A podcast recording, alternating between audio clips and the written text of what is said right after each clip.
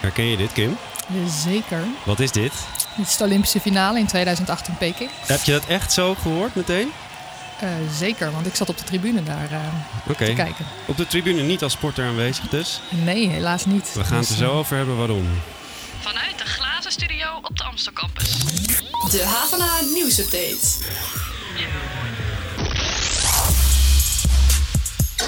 Ja, wat fijn dat je luistert naar de nieuwsupdate. Dit is de wekelijkse podcast van HVA waarin we je bijpraten over wat er speelt op en rond de Hogeschool van Amsterdam. Mijn naam is Daniel Rommens en tegenover mij aan tafel zit Carlijn Schepers, terug van vakantie. Jazeker, ik heb er weer zin in hoor. Hartstikke goed. En zoals je al hoorde, wordt het vandaag een sportieve uitzending. We praten namelijk met Kim Middendorp van de Johan Cruijff Academy. En dat is een opleiding speciaal voor topsporters hier op de HVA. Uh, welk beroep leren de studenten daar, Kim? Ze worden sportmarketeer. Sportmarketeer, wat moet ik me daarbij voorstellen? En daar moet je bij voorstellen dat zij uh, zeer goed in staat zijn om uh, binnen de sport geld te gaan verdienen. Of met sport geld te gaan verdienen. En geld voor zichzelf of voor clubs of wat?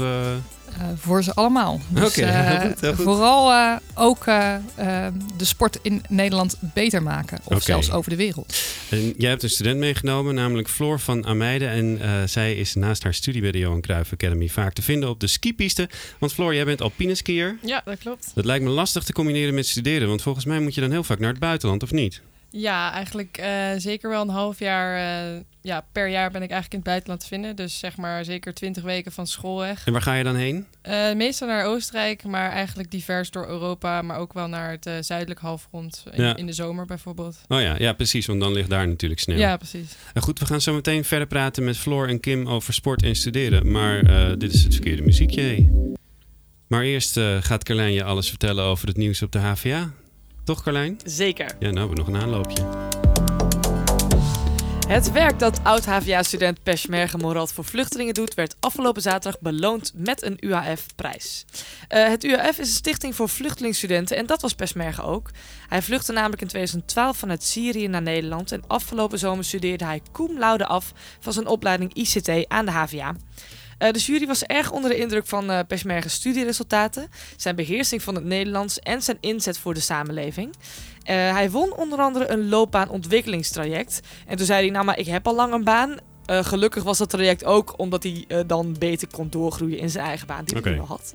uiteraard belooft hij zich ook te blijven inzetten voor vluchtelingen. Hm. En uh, afgelopen augustus uh, interviewden we hem. En uh, nou, ik vond het heel erg leuk in dat interview dat hij zich heel erg stoorde zelf aan mensen die bijvoorbeeld dingen zeggen als die meisje en die huis. Mhm. want nou ja, dat is niet goed Nederlands. terwijl hij zelf natuurlijk pas een paar jaar Nederlands sprak. Dus dat vond Ja. ik zelf. Misschien heeft hij juist wel een soort stoomcursus Nederlands gehad en doet hij het daarom beter dan sommige Nederlanders misschien. wel. Dat zou goed kunnen, ja. Het was afgelopen woensdag de dag van de duurzaamheid. Dus eh, Daniel, heb jij extra kort gedoucht? De Nee. lampen niet onnodig aangelaten, geen vlees gegeten? Nou, ik heb geen vlees gegeten, want eh, ik zag deze vraag al aankomen van jou natuurlijk. Ik heb een pizza besteld met alleen maar groenten erop Hey, en, en kaas. Ja, Ik heb niet korter gedoucht, ik heb, eh, maar ik heb ook niet de lampen onnodig lang aangelaten. ah, heel goed. Eh, wij vroegen ons namelijk in het kader van die dag af hoe duurzaam de HVA is en ook hoe belangrijk studenten het onderwerp vinden. Eh, daarom gingen we met de camera naar de Amstel campus en kwamen zelfs terecht, terecht op het dak van het Müller-Lulofshuis, want daar liggen de zonnepanelen. Het is vandaag de dag van de duurzaamheid. Ik zie dat jij een eh, koffietje hebt gekocht. Dat is niet zo duurzaam, of wel? is helemaal niet duurzaam. Nee, dat klopt. En eh, haal je ook wel eens hier iets uit de kantine? Ja. Let je dan nog speciaal op of het duurzaam is? Of... Nee, eerlijk gezegd niet, nee. nee. Ik denk niet dat de HVA heel duurzaam is, als ik heel eerlijk ben. Als ik kijk in de kantine bijvoorbeeld, wat er wordt verkocht en eh, het is allemaal plastic. Eh, nou, inderdaad, de koffiebekertjes, het is ook allemaal niet heel duurzaam. Dus Ja, ik denk dat we met afval nog wel eh, wat verbetering kunnen doen. Qua elektriciteit en warmte en zo heb je enig idee hoe de HVA dat doet? nee, geen idee. Soms staan er echt lampen aan en dan is er echt niemand in het lokaal of iets. Nou, op de Amsterdam campus eh, hebben we al heel veel zonnepanelen. We gebruiken in de, in de gebouwen heel veel sensoren. Dus als er geen mensen aanwezig zijn, eh, draait ook de verwarming niet. Maar ook het licht doet het niet. Dus het is eh, behoorlijk duurzaam. They definitely, in their teaching, make us consider it with our concepts. So they lean more towards no waste design or make us think always sustainably in the back of our mind. Ik wil dat de Hogeschool van Amsterdam koploper schone energie wordt. En dat duurzaamheid centraal komt te staan binnen de HVA. Dat was eh, Joris Kemna. En die zat hier eh, een aantal weken geleden in de studio. Ik wou net zeggen, bekende Ja, stem. Zeker, hij is oud-student en hij wil een Green Office gaan oprichten, gerund door studenten. En daarin moeten alle groene initiatieven van de HVA samenkomen. Want hij wil namelijk dat de HVA koploper wordt op het gebied van duurzaamheid. Ja, en dan zat ik even te kijken. Ik, eh, de HVA heeft gisteren zelf natuurlijk ook veel met die dag van de duurzaamheid gedaan. Ik zag Ja. de hele dag tweets over alle projecten die zij al doen. Onderzoeksprojecten om eh, de stad groener te maken en alles duurzamer en handiger. Ehm, en daar hebben we nog een nieuwtje over, geloof ik. Oh, ja. Want er kwam nog nieuws voor de HVA op de dag van de duurzaamheid. Kan geen toeval zijn natuurlijk. Een initiatief van HVA-onderzoekers he- heeft namelijk een Europese subsidie gekregen van namelijk 4,8 miljoen euro. En daarmee gaan ze blauw-groene daken in Amsterdam aanleggen. Ik ken alleen groene daken. Precies, ik ook. Dat zijn dus daken die zijn begroeid met planten en bomen. Maar blauw-groene daken, die kende ik nog niet. Op dit soort daken is ook de bovenkant beplant met groen. Maar daaronder is nog een extra laag, namelijk een blauwe. Die is natuurlijk niet echt blauw, maar dat is voor het regenwater. Die kan daarin worden opgeslagen. Eh, wateroverlast is namelijk een groot probleem in Amsterdam. En zeker bij hevige regenval. Dan kan die water, het water kan niet goed weg in de putten. Eh, met die gewonnen subsidie gaan de onderzoekers de blauw-groene daken aanleggen op sociale huurwoningen in de Bellamy-buurt, Geuzenveld, Oosterpark en Kattenburg. Oké, daar woon ik in Geusveld. Nou, maar jij woont niet sociale huur, toch? Nee, ik woon niet Nee, sociale wel, huur. ja. We zijn wel ook met onze flat bezig om inderdaad iets van een groen dak. Maar misschien moeten we wel voor zo'n blauw-groen dak gaan. Goed idee. Ja, ik zit er nu echt net, dus ik, eh, weet het, ik kan er nog niet heel goed eh, een goede mening over geven. of Zo, maar ik vind het tot nu toe wel prima. Nee, tot nu toe bevalt het eigenlijk heel goed. De omgeving is wel prettig, alleen mijn rooster is heel vervelend en nooit hetzelfde. Ik zit pas in mijn ja, zesde week, vijfde week. Dus tot nu toe heb ik niks aan te merken. De hoorcolleges zijn gewoon prima. Hoe het gaat is ook gewoon prima. Ook best chille opleiding. Dus Nou, eh, hier hoorde je een aantal overwegend tevreden studenten over een opleiding. Maar of je nu gemotiveerd of ongemotiveerd aan je opleiding begint, de kans dat je je eerste jaar doorkomt is even groot. Eh, dat zegt Eveline Meens, die promotieonderzoek deed naar de effectiviteit van de studie Keuzecheck. En bijvoorbeeld de motivatiegesprekken die daarbij horen. De studiekeuzecheck, wat Ja. is dat? Nou, dat, eh, dat moeten studenten tegenwoordig eh, doen voordat ze een, eh, een, een studie gaan doen. En dat is om te voorkomen, nou dan moet je allerlei testen doen, waaronder dus zo'n gesprek. En dat is dus om te voorkomen dat veel studenten in het, in het eerste jaar uitvallen. Omdat het toch niet is wat ze willen. Eh, maar die motivatiegesprekken die daarbij horen, die hebben volgens eh, Eveline weinig zin. Het gaat namelijk niet om de gemotiveerdheid van de student, maar in hoeverre iemand weet wat hij kan verwachten van de studie. Ehm, ik kan me ook wel voorstellen, als je heel gemotiveerd bent en je we- halverwege kom je erachter dat de studie iets heel anders is dan je dacht, dan kan me ook wel voorstellen dat, je, dat- dat je alsnog stopt. Ja, maar daar heb je bij de open dag ook niet echt op gelet, denk Nee, ik. dat is waar. Nou goed. Als een school dus wil weten hoe groot de kans is dat een student uitvalt, kun je beter vragen naar hoe, hoe goed een student zich heeft georiënteerd. En of hij goed weet wat de opleiding inhoudt. Eh, en daarom kun je volgens haar als student het beste gaan proefstuderen om de kans te verkleinen dat je je studie niet afmaakt. Stage lopen bij een bedrijf dat de aarde vervuilt, investeert in wapens of niet zoveel geeft om de omstandigheden in zijn fabrieken in derde wereldlanden. Zou jij dat doen? Vraag je Da- dat aan mij? Nou, dat vraag ik meer aan de luisteraar. Oh. Ik ga het straks nog wel aan jou vragen ook. Eh, Daniel ging naar de Fralenmaborg om studenten te vragen of ze zo'n schimmige stageplek zouden accepteren. Ik heb een stageplek voor jou bij een bank die investeert in wapenhandel. Wat zeg jij? Mm, nee, dankjewel. Ik heb een stageplek voor je bij Shell. Ja, dat is best wel tof. Dat is wel een heel groot bedrijf. Dus, eh, Total or BP or Shell, it's associated to a lot of scandals in France, in Europe, all over the world, and it's not, it's not an ethical business. eh, nou, zolang er nog niet een alternatief is waar ik in geloof, eh, heb ik er nog geen probleem mee. Waar ligt jouw interesse? Eh, een beetje met de handel tussen Azië en eh, Europa, Nederland. China. China, ja. Dat is een grote handelspartner, maar er is ook wel iets over mensenrechten te zeggen over China. Ja, zeker. Ja, daarom vind ik het ook wel heel erg interessant. I think that we, we all need to strike a fair balance between what we want to do in our life and what we accept to work for. And I'm not going to accept to work for a petroleum company. Nu mag je antwoord geven, Daniel. Zou jij gaan werken voor bijvoorbeeld Shell? Nee. Goed antwoord, goed antwoord. Eh, Daniel stelde deze vraag aan de studenten in het kader van het Floor-evenement Schimmige Stages. eh, waarbij studenten van business en economie debatteerden over dit onderwerp. En jij leidde het debat, eh, Daniel. Hoe was het? Nou, het was druk vooral. Er zaten iets van 200 studenten van de opleiding bedrijfseconomie. Ze waren daar weliswaar verplicht, maar ik denk dat het wel goed was. Want het waren tweedejaars studenten en die moeten volgend jaar voor het eerst gaan stage lopen. En ze kregen van de sprekers en tijdens het panelgesprek allerlei tips over waar je nou op kunt letten. En hoe je nou eigenlijk een, een goed besluit neemt over of je wel of niet dan ergens stage gaat lopen. De Havana nieuwsupdate. Oké, en, en wat, eh, wat staat er nu op het programma? Wat, wat gaat er zo dadelijk gebeuren? We zijn al maanden hiermee bezig en we proberen ja, inclusiviteit te brengen. Ik proef hier drie espresso's, maar het smaakt allemaal gewoon een beetje naar karton. Ik lig dus nu in de waterstofauto. Ik, ik pas dus duidelijk niet. Wil je niets missen van het nieuws en de verhalen van de campus? Meld je dan nu aan voor onze nieuwsbrief op havana.nl.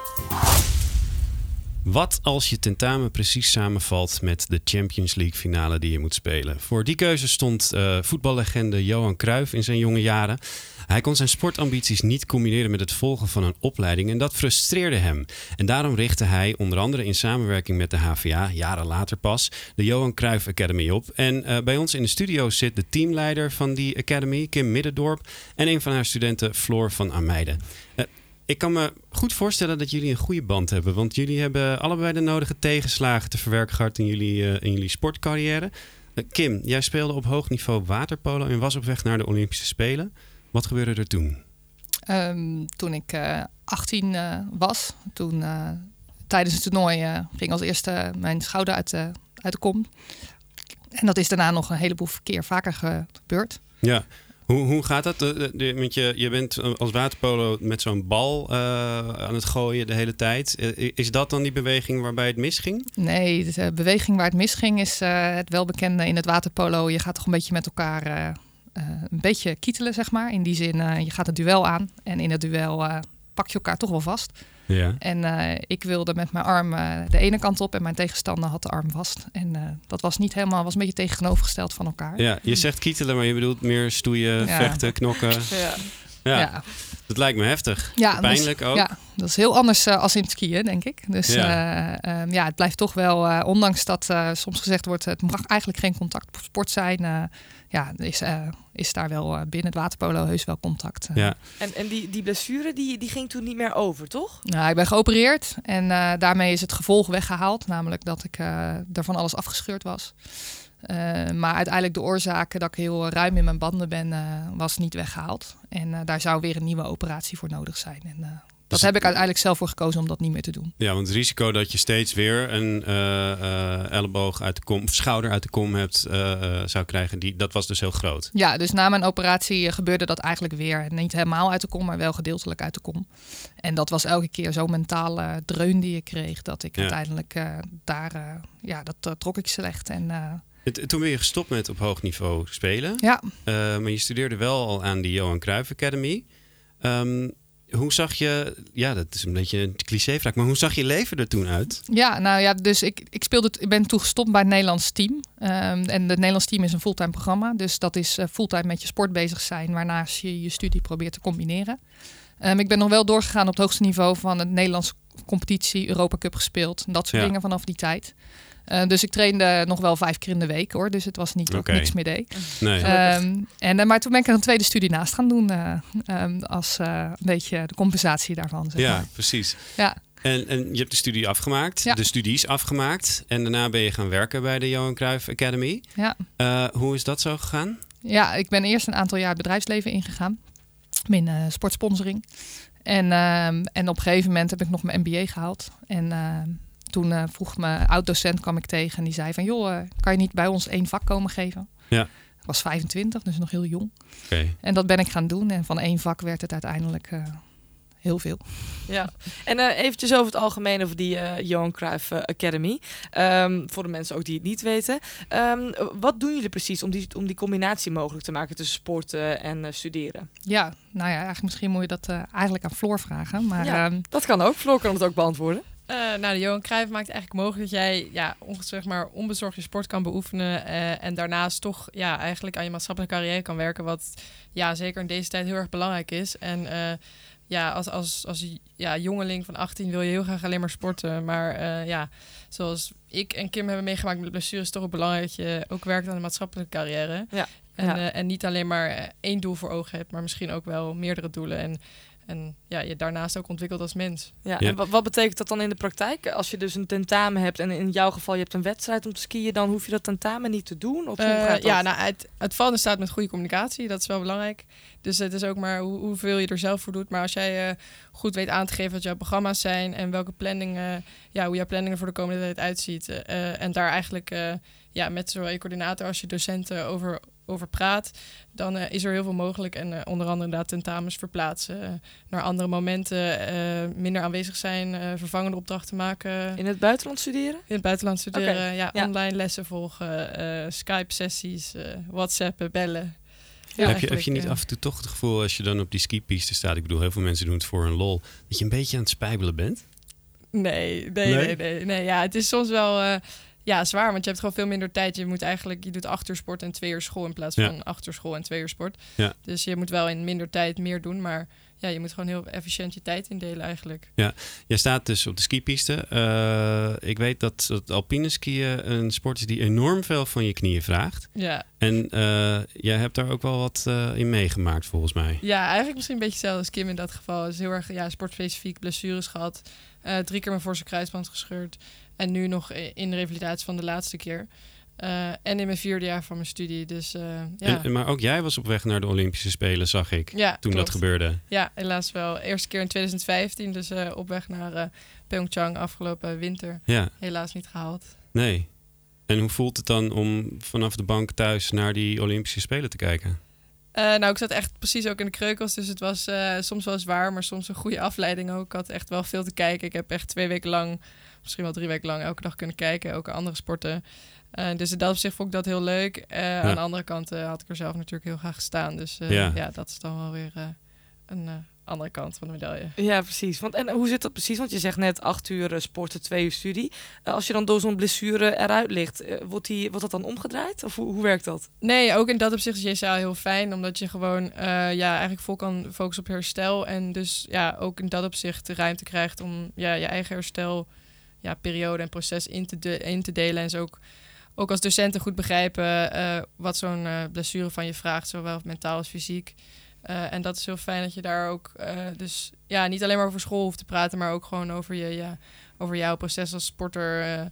Eh, Hmm. da- daar je ei kwijt kan, zeg maar. Ja, want wat voor soort ondersteuning krijg je vanuit de Academy dan precies? Eh, met name ja, best wel veel persoonlijk. We hebben allemaal eigen, eigenlijk een coach, zeg maar, waar je gewoon altijd ja, dag en nacht terecht kan. Dat is naast je sportcoach, zeg maar, heb Ja, je een coach op de Academy? studiecoach, ja. ja. Ja, ja, oké, ja. Eh, maar die weet ook gewoon heel veel over ja, wat het is van blessures tot aan wat je met je sport moet doen. Misschien wel belangrijke keuzes die je hebt te maken in je leven. Eh, Ja.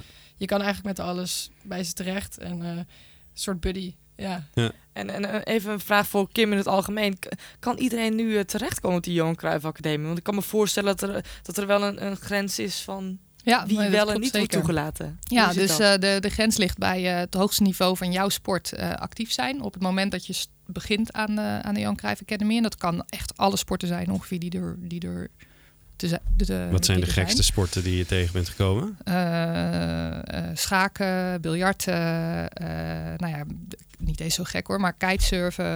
eh, maar we hebben ook inderdaad eh, skiers, hockeyers, eh, van alles. We hadden het Eh, op de redactie even over schaken, dammen en biljarten, dat soort sporten. Dat, is, dat lijkt een heel andere categorie dan wat jullie bijvoorbeeld hebben Ja. gedaan. Hem, eh, komen die dezelfde problemen dan tegen, die, dat soort sporters? Eh, nou, voor elke sport is echt wel heel specifiek eh, waar, de, waar de problemen zitten. In sommige sporten is het, eh, zoals eh, bij Floor, vooral de afstand waar, eh, eh, Ja. waar een probleem zit. Of een probleem, een uitdaging noemen we dat. Ehm, dus eh, toetsing op afstand, eh, dat soort zaken. Echt het programma volledig in een hele periode op afstand volgen, wat we mogelijk dan online maken. Ehm, maar er zijn ook sporten waar eh, er heel veel, in Nederland ook, heel veel trainingstijd is. En die hebben dan weer specifieke roosters, roosterproblematieken die we oplossen. Ehm, ja, en biljarten of schaken, als je weet hoeveel trainingsuren daarin gaan. En ook voor hen geldt, die hebben toernooien in het buitenland. ehm, en, en doen dat op het niveau eh, wat echt eh, volledig eh, onder topsport eisen valt. Dus, Oké, daar zijn de speciale eisen voor Ja. wanneer en dat heeft dat te maken met uren of niveau? Of hoe, hoe goed je Eh, bent? nee, het heeft met niveau te maken. Het heeft inderdaad te maken met hoe goed sta jij eh, ja, in de Nederlandse top zoveel eh, van, jou, eh, van jouw sport. Zeg En maar. heb je daar echt zo'n een soort van rigide grens zo van dit is, eh, dit is wel en dit is niet? Of kijk- bekijk je dat per geval? Per geval en, ehm, en ook per sport. Hè? Want we hebben ondertussen, we, we zijn in 99, sinds 99 bestaan we al. Dus we hebben ondertussen bijna 19 jaar ervaring. Ja. Dus ja, daar, daar ben je wel met elkaar eh, in bezig, zeg maar. Hoeveel studenten heb je eigenlijk? Per jaar Ja? stromen er ongeveer eh 50 in. Oké. Ja. En eh, ik denk dat we nu eh, richting de 1000 alumni gaan. Dus eh 1000 mensen die met een topsportachtergrond zijn afgestudeerd bij ons. En wie is de Eh, bekendste? Eh, nou, er zijn er wel meerdere, maar eh Laurens ten Dam is een bekende, denk ik. Eh, vorige, vorige, voor de zomer is Marlou van Rijn, eh, de Blade is Ja. afgestudeerd. Oh ja, Ja. Eh, Maria Verschoor, hockeyster, international. Eh, maar nou, ik kan zo nog wel echt een eh, tijdje doorgaan. Ja, ja precies. Ehm, en, en eventjes voor ehm, de toekomst van, van degenen die zijn afgestudeerd aan de Johan Cruijff Academie. Waar komen ze terecht? Eh, misschien na hun sport of wat gaan ze naast hun sport doen, bijvoorbeeld? Ja, wat gaaf is om te zien is dat, eh, en dat is ook wel echt een van de doelen van Johan geweest, is dat die sporters weer wat voor de sport gaan terugbetekenen. Ehm, want zij weten als geen ander hoe de sport in elkaar zit en hoe de topsport in elkaar zit. Ehm, dus ehm, wat je heel erg ziet is dat echt al een heel groot percentage echt in de sport terechtkomt. Of dat nou bij een sportmarketingbureau is, Ja. of binnen een sportbond. ehm, of binnen een van de grote spelers op, eh, op eh, eh, de Nike, de Adidas en dat soort eh, partijen. Ja. Ja. Ehm, heel divers. Ehm, en ook heel veel die hun eigen onderneming starten, heel succesvol. Oké. Floor, hoe, hoe sta je er nu voor? Ga je toch weer richting de Olympische Spelen werken? Eh, uiteraard wel, ja. Ambitie blijft hoog. Heel goed. Gewoon Dank jullie herstellen wel. en weer sporten. Ja, Ja. dank jullie wel Ja. voor dit gesprek. Jullie ook, dat jullie er tijd voor hadden, want het klinkt alsof jullie het super druk hebben. Ja, Ja, heel goed. Hey eh, Daniel, wat gebeurt er de komende week op de HVA? Nou, je kunt beter vragen wat er over een paar jaar gebeurt. Want deze week kregen we het nieuws dat de opleiding Commerciële Economie... en dus ook de Johan Cruijff Academy van de Amstel Campus... moeten verhuizen naar de Vrijlemaborg vlakbij de Johan Cruijff Arena. Kim, heel kort, wat vind je daarvan? Ehm, ik zeg altijd, eh, eh, je moet je waar dan ook. Eigenlijk is het niet meer van deze tijd om dat heel erg aan een plek eh, ehm, op te hangen. Dus ik ga ervan uit dat we op een mooie plek dadelijk in de Vrijmenborg weer verder met onze mooie toekomstplannen kunnen. Een mooi politiek antwoord. En elk nadeel heeft zijn voordeel, toch? Dat- Zeker weten. Zo, ik zat erop te wachten. Ik heb ook gesproken met de decaan van de faculteit Business en Economie, waar die opleidingen bij horen. En ik spreek morgen met nog meer mensen die daar wisselend blij mee zijn.